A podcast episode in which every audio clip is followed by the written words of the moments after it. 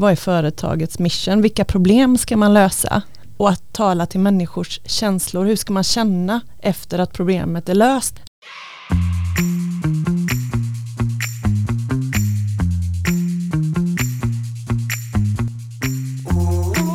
Anrikt varumärke eller helt nytt varumärke. Hur laddar du det och med vad? Så att det motsvarar eller helst överstiger målgruppens förväntningar.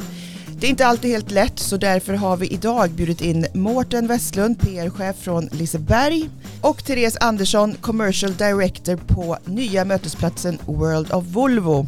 Ett varumärke som mer eller mindre är nyfött men med föräldrar som heter Volvo Group och Volvo Cars. Välkomna till More Talks. Tack, Tack så mycket. Mårten, först och främst, jag får gratulera till 100 år. Det är ju ett väldigt anrikt varumärke måste man ju säga. Ja, eller hur? Ja, och jag kan tänka mig att eh, många tycker att det måste vara en walk in the park så att säga, att jobba med ett sånt inarbetat varumärke. Det kan man tycka, men det finns ju som alltid väldigt, väldigt många dimensioner. Men, men grunden i att jobba med Lisebergs varumärke är ju fantastisk för att den, det är ett varumärke som verkligen, verkligen engagerar. Jag pratade med Sveriges Radio igår som nästan bad om ursäkt för att de kom med en grej. Och så sa de, men varje gång vi gör någonting som involverar Liseberg så blir det det som blir mest lyssnat. Ja. För att man kan ta nästan vad som helst och så lägger man det på eh, plattformen Liseberg och så blir det på något sätt in, intressant och det engagerar jättemycket. Så att det, är, det är verkligen en blessing på ett sätt men en curse i, i andra eh, sammanhang. Men på det stora hela så är det ju underbart att få jobba på en Idén i, i grunden är väldigt, väldigt enkel. Allting vi gör ska leda till glädje tillsammans. Och det är en väldigt stark kompass. Eh, och den gör ju liksom varumärkesbyggandet enklare. Mm. Man kan alltid verifiera mot, ja men handlar bygger vi glädje tillsammans? Men är glädje tillsammans, är det så att säga er tagline då? Ja. Men det är ju eh, intressant det som du säger att så fort vi pratar om Liseberg så blir det ett högt engagemang. Och då är ju min nästa fråga, hur har ni lyckats att hålla det varumärket så relevant? Nej, och det är ju just, tror jag, att eh, vi jobbar med ett evigt behov. Vi löser samma problem idag som vi gjorde den 8 maj 1923 när vi öppnade portarna för första gången. För vi jobbar med att lösa glädje tillsammans. Här är det ju en fysisk upplevelse. Man gör någonting med starka känslor tillsammans med personer som man tycker om. Då lämnar ju det bestående avtryck. Så det är glädjen och känslan alltså, för det är ju också otroligt konkurrentutsatt idag jämfört med hundra år sedan, det vill säga det finns väldigt mycket annat att lägga både pengar och tid på. Det är resor, det är skärmar, det är vad det nu kan tänkas vara. Så är det och vi, vi färgas ju av det också såklart att vi, eh, ja men apropå skärmar till exempel att vi, vi långa köer när det är mycket folk, det är, då är köerna vårt absolut stör, största problem. Nu börjar vi gamifiera köandet, vi har attraktionsspecifika eh, köspel så där du kan tävla mot andra gäster och vinna mm. stjärnvinster vid dagens slut. Det är ju ett sätt att liksom ta med någonting digitalt in i den här eh, ofta ganska fysiska upplevelsen. också. Smart. Men Therese, eh, nu ska vi prata lite med dig. Kan du bara först och främst berätta vad World of Volvo är för något eftersom det inte har öppnat än? Det här är ett eh, hus som eh, ska fyllas av eh, livfullhet och omtanke och en plats för inspiration. Eh, World of Volvo det, det, är den här stora byggnaden som nu eh, håller på att uppföras precis granne med Liseberg så vi har en strategisk jätte, jättefin och bra plats. När man kommer till oss så ska man eh, kunna umgås med vänner och familj och eh, även nätverka är tanken. Våra känslor som vi vill eh, förmedla det är just det här omtanke för varandra. Vad som kommer finnas eh, på plats när man kommer till oss är eh, allt ifrån utställningar och då pratar vi bland annat om Volvo Eh, dessutom så kommer vi att addera mycket interaktivitet i den utställningen. Det kan vara till exempel dansa med en avatar och eh, så där Mm. leker vi ju lite också med den här känslan av nyfikenhet och glädje. Så det är mycket eh, framtid, interaktivitet, mobilitet och utveckling.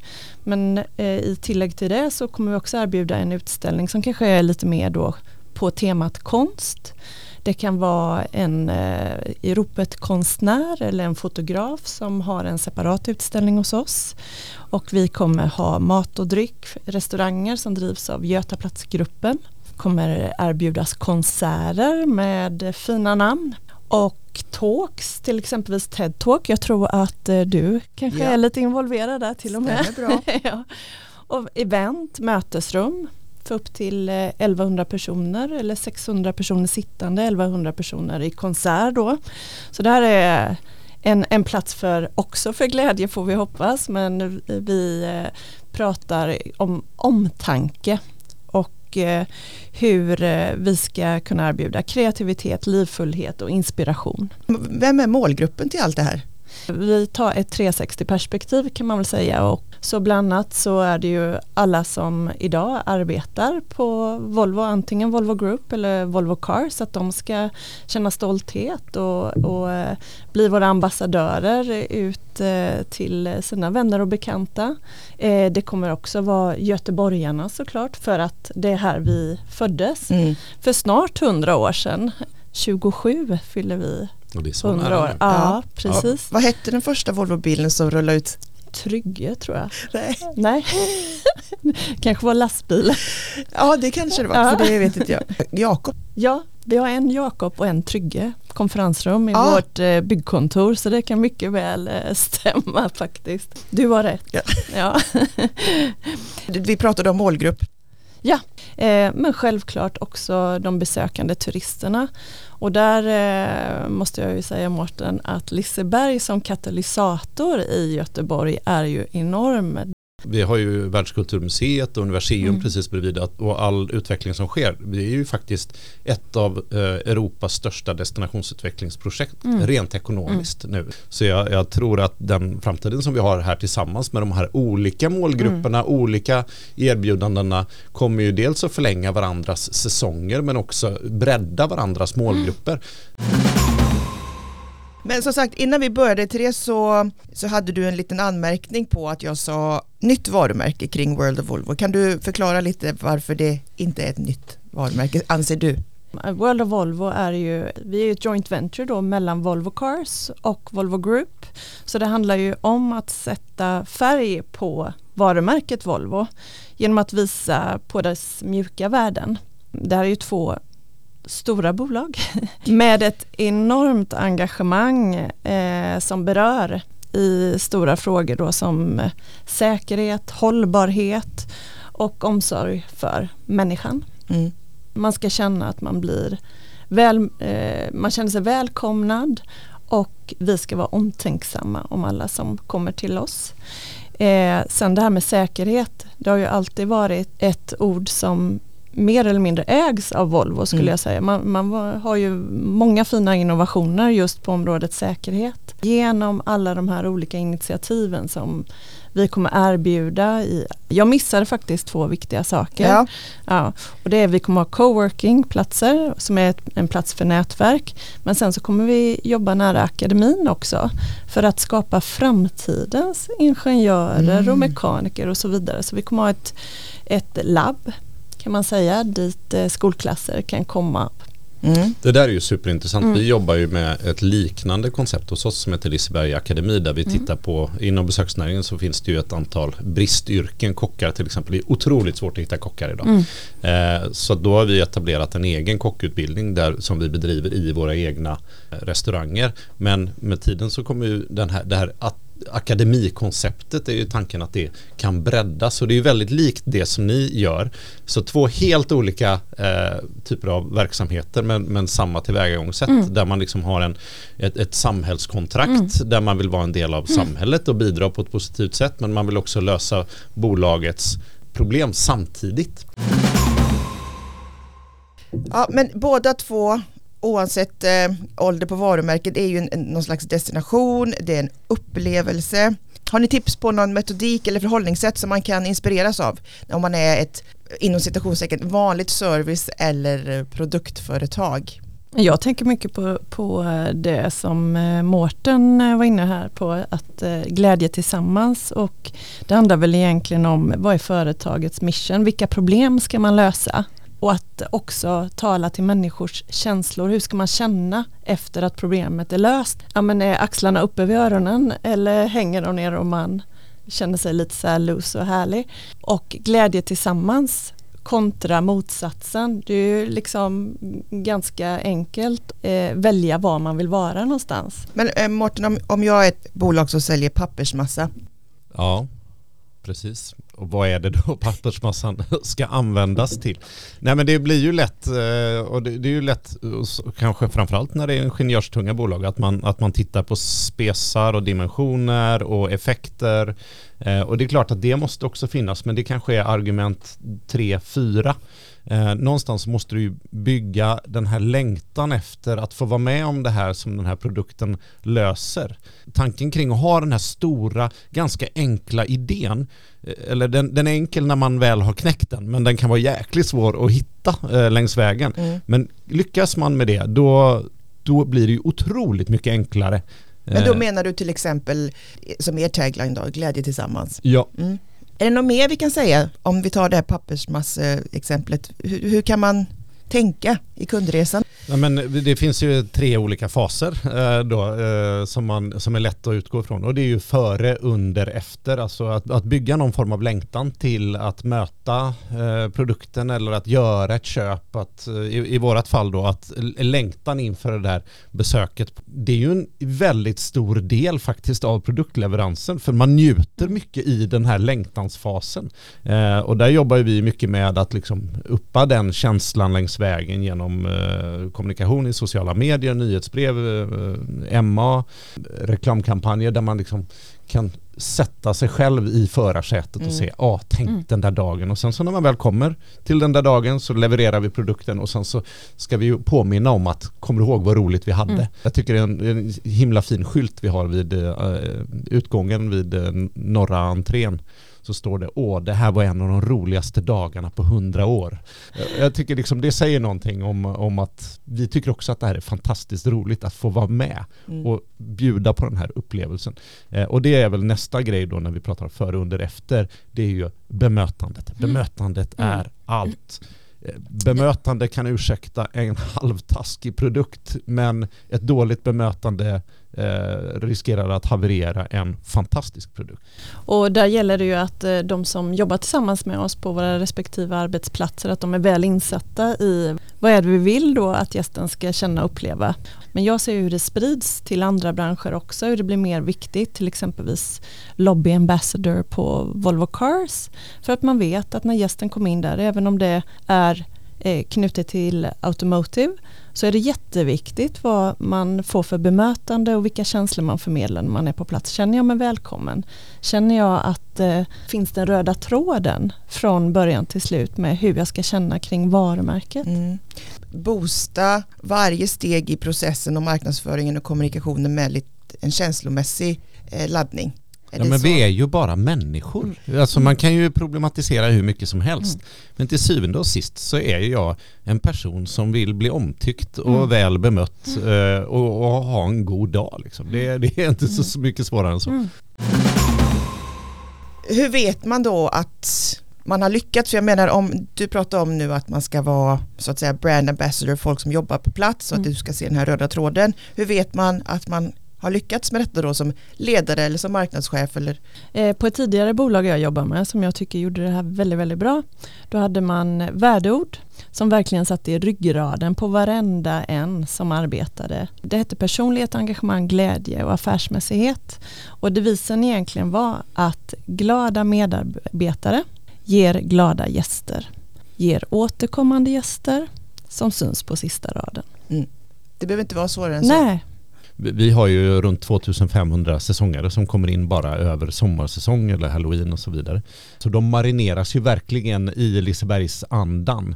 Så vi jobbar ju supermycket med att de ska bygga ett starkt team och vara överens om vad är det vi, vi gör eh, och vad är uppdraget. Så att även om de kanske inte säger glädje tillsammans så kommer det vara det som du upplever. Men om vi tar till exempel tillbaka till det här pappersmasse exemplet, om jag får översätta det då till Är det en brief du försöker Nej. lösa här nu? en pitch.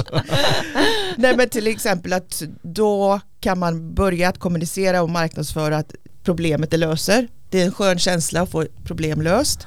Under tiden man tar hand om kunden, ser till att den har svar på sina frågor på ett enkelt sätt. Återkoppling. Ja, tillgänglighet, återkoppling och när man har genomfört köpet kan man för exempelvis be om kundens åsikter, vad de tyckte, hur det gick och sen ser man ju till att kunden ska komma tillbaka då. Ja. Gör det enklare för dem att köp, göra köpet igen, Och hålla det man lovar. hålla det man lovar. Mm. Enkla grejer egentligen. Ja. Mm. Om jag då bara får säga en sak i, i den här världen vi lever nu då med mycket market automation så blir ju personerna som faktiskt jobbar ännu viktigare. De som möter eh, våra gäster eller kunder, hur man nu väljer att formulera. De touchpointsen kanske inte blir lika ofta så här person till person. Mycket bra. Och därför så är det ju otroligt viktigt att eh, de vi jobbar tillsammans med våra medarbetare, att de är otroligt insatta i vad är våran mission, vad är det vi ska skapa för då känslor eller vad, vad är det vi ska förmedla. Så träning och onboarding och så vidare är ju ofantligt eh, centralt i de här frågorna. Det där är ju intressant. Jag, jag har en sån varumärkesupplevelse där, där ett, verkligen ett, ett upplevelsevarumärke som jag konsumerar årligen. Där man har satsat enormt mycket på digitalisering, smidiga köp längs vägen. Men man har också helt konkurrerat ut eh, den all mänsklig interaktion. Och jag blir så förbannad. Mm. För att jag känner mig, varje gång jag försöker liksom eh, göra någonting där jag förväntar mig någon form av mänsklig interaktion Mm. eh, så känner jag mig som ett problem. Mm. Det gör ju att jag, nej men jag, jag åker inte till den här platsen längre. Eh, för att det är så överdigitaliserat Mm. så att det blir så opersonligt. Ett bolag som jag köper telefoni från. Jag vet inte hur många knapptryck jag går igenom innan jag kommer till en automatisk telefonsvarare som säger att jag gärna får gå in på chatten. Och det är kanske inte riktigt det jag vill. Nej, men det är en väldigt intressant inspel ni har. Att om man då ska bygga sitt varumärke mycket baserat på mänskliga känslor Mm. och det du som kund möts av är en robot. Hur ska man hantera det egentligen? För digitalisering är ju någonting som alla pushar på. Alla Oh ja. företag måste digitaliseras. Hur möter man det så att inte varumärket naggas i kanten? Och hur, hur löser man egentligen problemen för våra gäster, kunder? Mm. Och inte bara, alltså det måste ju vara utifrån och in, inte inifrån och ut. Att vi bara ska bli effektivare och ba, ba, ba, ba, ba. Och syvende och sist så tjänar ju bolagen sina intäkter på kunderna. Så man måste ju lösa kundernas problem och inte vice versa. Vi är ju ungefär i samma ålderskategori här i detta rum. Tror ni att vi är den sista generationen som tycker så här? Är vi bara gamla och gaggiga eller? Ja, förmodligen. Eh, men eh, jag, jag tror att det är viktigt att tänka på att i, i vissa delar av den här produktleveransen så är den mänskliga interaktionen en del av produkten. Och när du tar bort den, ja men då blir jag förbannad. Mm. Jag har väldigt svårt för QR-kodsmenyer där jag sen får en ping i telefonen och går och hämtar ut eh, maten i, i, ett, i en lucka.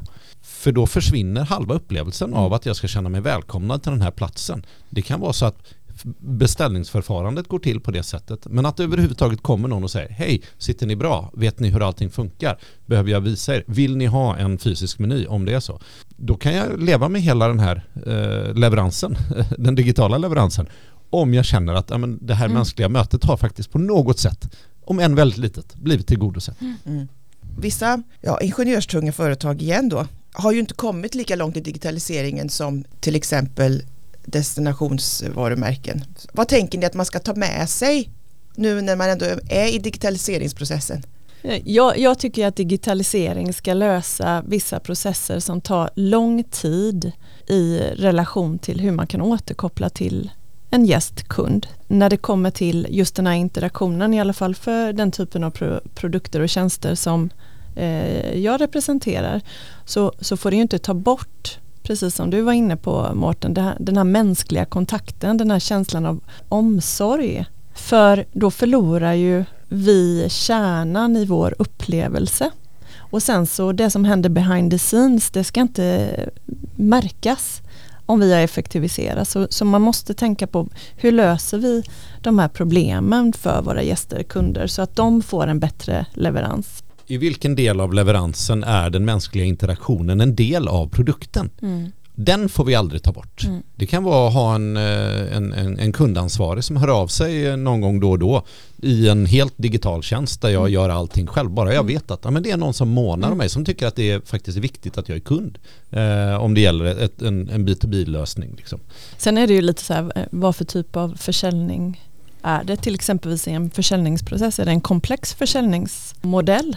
Då, kan, då tror inte jag att man kan ta bort en människa för det är så många frågeställningar. Men är det en enklare försäljning? Absolut. Jag är, jag är jätteduktig på online shopping. Så, så jag älskar ju den delen. Men jag älskar inte jättemycket att få samma annons som jag varit inne och klickat på kanske en gång och sen köpt. Så älskar inte jag jättemycket att få den upp i näsan 20 gånger till. Nej. Och då, då förlorar ju varumärket eller den butiken då till exempelvis lite i värde för mig. Vi ser ju också en trend till att servicifierar sin, eh, sin verksamhet. Ett bolag som SKF till exempel.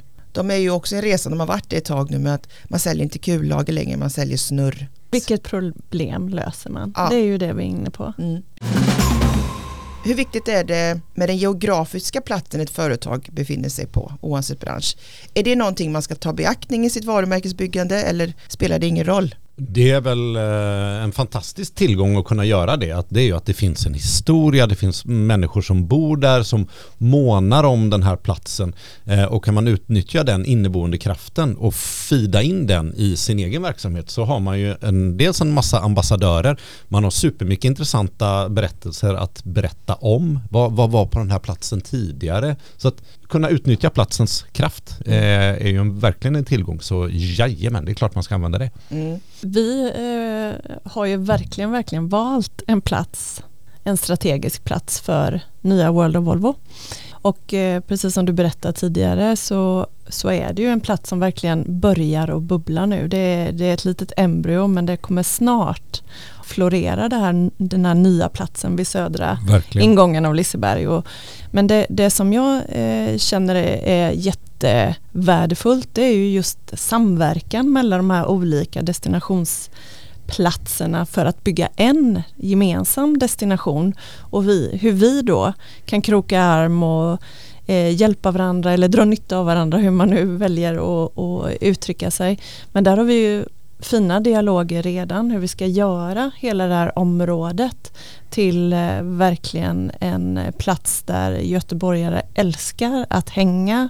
Vi, vi båda representerar, varsin destination men vi representerar också tillsammans en Mm, destination mm. och vi är del av en större destination. Mm, Så att mm. liksom, jag har Liseberg, jag har våran del av staden som Mm. en del av Västsverige eh, och jag brukar tänka att en, en destination ur ett kundperspektiv är alltid en kedja av upplevelser. Mm. Sen om de väljer att plocka två av länkarna på Liseberg, en länk på World of Volvo en länk eh, på Universium eller på Mr P på Avenyn.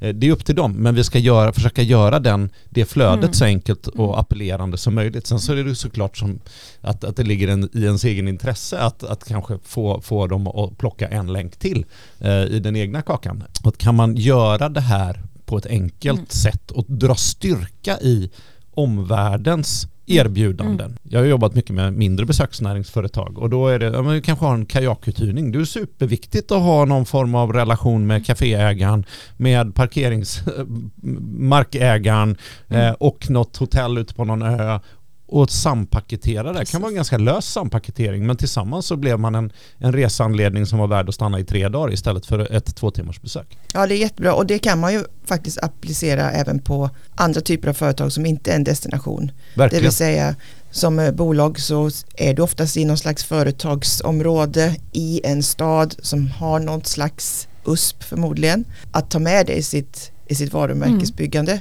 Och Titta eller, bara på alla science parks som finns. Ja. Det är ju precis så de eh, arbetar. De kanske har en lösning men för att kunden ska ha en komplett bild så behöver en lösning B och C också. Då Mm. gör man det tillsammans. Det är nästan som att eh, More Alliance skulle kunna vara Till någonting sånt. exempel, bra, bra Mårten.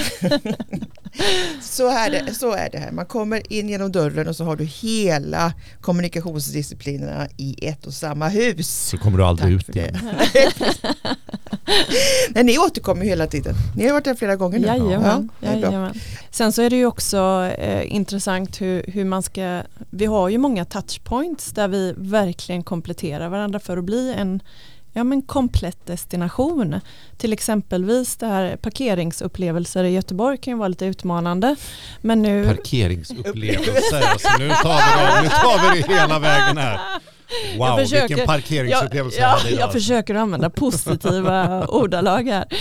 Men då i nya World of Volvo så har vi ju då em, gemensamt eh, sett till att det finns 1500 parkeringsplatser i ett garage som är precis vid södra ingången av eh, Liseberg så det kommer ju underlätta för väldigt många som eh, besöker Göteborg. Det blir ju mer och mer vanligt att man gör en ljudprofil till sitt varumärke. Har ni ljudprofiler? Ja, det har vi. Vi har ju precis tagit fram en ny låt eh, som vi använder i, väl, i all reklam. men Vi använder den i parken. Det är ju Björn Olsson eh, som är en av känd från Soundtrack of Our Lives och en av Håkan Hellströms medproducenter som har gjort en specialskriven Lisebergs Mhm. låt. Den är alldeles ny. Den släpptes nu eh, i april och den ligger på Spotify, heter Liseberg och eh, en bild på Björn Olsson när han åker karusell när han var tre år gammal. Så att vi använder ju den här musiken både som en parkmiljöupplevelse men också eh, i all reklam och vi klipper om den i halloween-version och julversion och ja det gör vi och det är ju för att skapa den här röda tråden av upplevelser som man kanske inte tänker på men det på något sätt undermedvetet så ligger det där man bara ah Therese, Vi är inte där än, eh, men vi har haft eh, många diskussioner kring hur vi ska appellera till alla våra sinnen såklart. Det finns ju doft, det finns, och där har ju ni en egen doft också när man kommer in på Curiosa. sockervadd. Men jag ville ju att vi skulle spela musik här idag. Ja, just Ja. det. Men, men då kommer ju Stim och knackar på. Men Therese, om du skulle vara en låt då? Ditt personliga varumärke, vad skulle det vara? Ja men det är ju What a feeling Flashdance Ah, kanske som kom upp i såklart. mitt huvud. Wow. Ja. ja men jag tycker den är fantastisk, den älskar jag ju att dansa. Den kom upp i mitt huvud, den blir jag glad av. Mårten, om du hade din egen låt, vad är det? Ja, men just idag eh, Är du stark? så- Rage Against the Machine någonting. eh, nej men eh, jag tycker väldigt mycket om dansk musik. Jag lyssnar nästan bara på dansk Åh. musik. Vad är Eh, dansk musik? Ja, men den, kom, den kommer från Danmark. Ja, Rasmus, vad heter han? Sebach? Rasmus Sebach, han har Ja. gjort väldigt fina Ja. låtar. Men nu har jag en ny favoritband som heter Sar Paulo. Eh, och då tar jag deras låt Intressant Men. Vad är det med dansk musik som du... Ja, men den är så hjärtlig, det blir så emotionellt, det blir så intressant tycker jag. Jag tycker texterna, jag förstår ändå ganska mycket danska. Jag ja, men det, det ger en dimension som jag Mm. tycker är väldigt eh, intressant och det är lite annan, eh, en annan kultur och ett Mm. lite annat uttryck. Mm. Jag tycker att alla borde ha en ljudprofil för att nu när vi har pratat om detta så förstärker det ju också ett varumärke, vad man vill förmedla. Nog om detta, ni ska få springa iväg, men jag vill höra ert bästa tips för de som jobbar som kommunikatörer eller marknadsförare på ett ej destinationsföretag för att göra varumärket till en upplevelse. Nej men man måste utgå från sin mission tror jag. Vad för problem ska vi lösa och inte gå direkt på produkt utan på känsla. Och jag håller med. Att komma på den stora idén, det är svårt att, att hitta den formuleringen men när du väl har hittat den så är det så jävla härligt att jobba med. Mycket bra. Så hitta den stora idén och ha en mission som verkligen appellerar till att lösa ett problem. Stort tack båda två. Jag ser fram emot att eh, besöka World of Volvo när det öppnar april 2024. 14 april är tanken, Oj, 14 Volvos eh, april. födelsedag. Ja.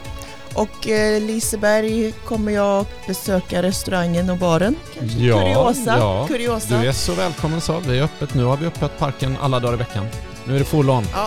Med det sagt så går vi ut med eh, Lisebergs låt helt enkelt. Underbart.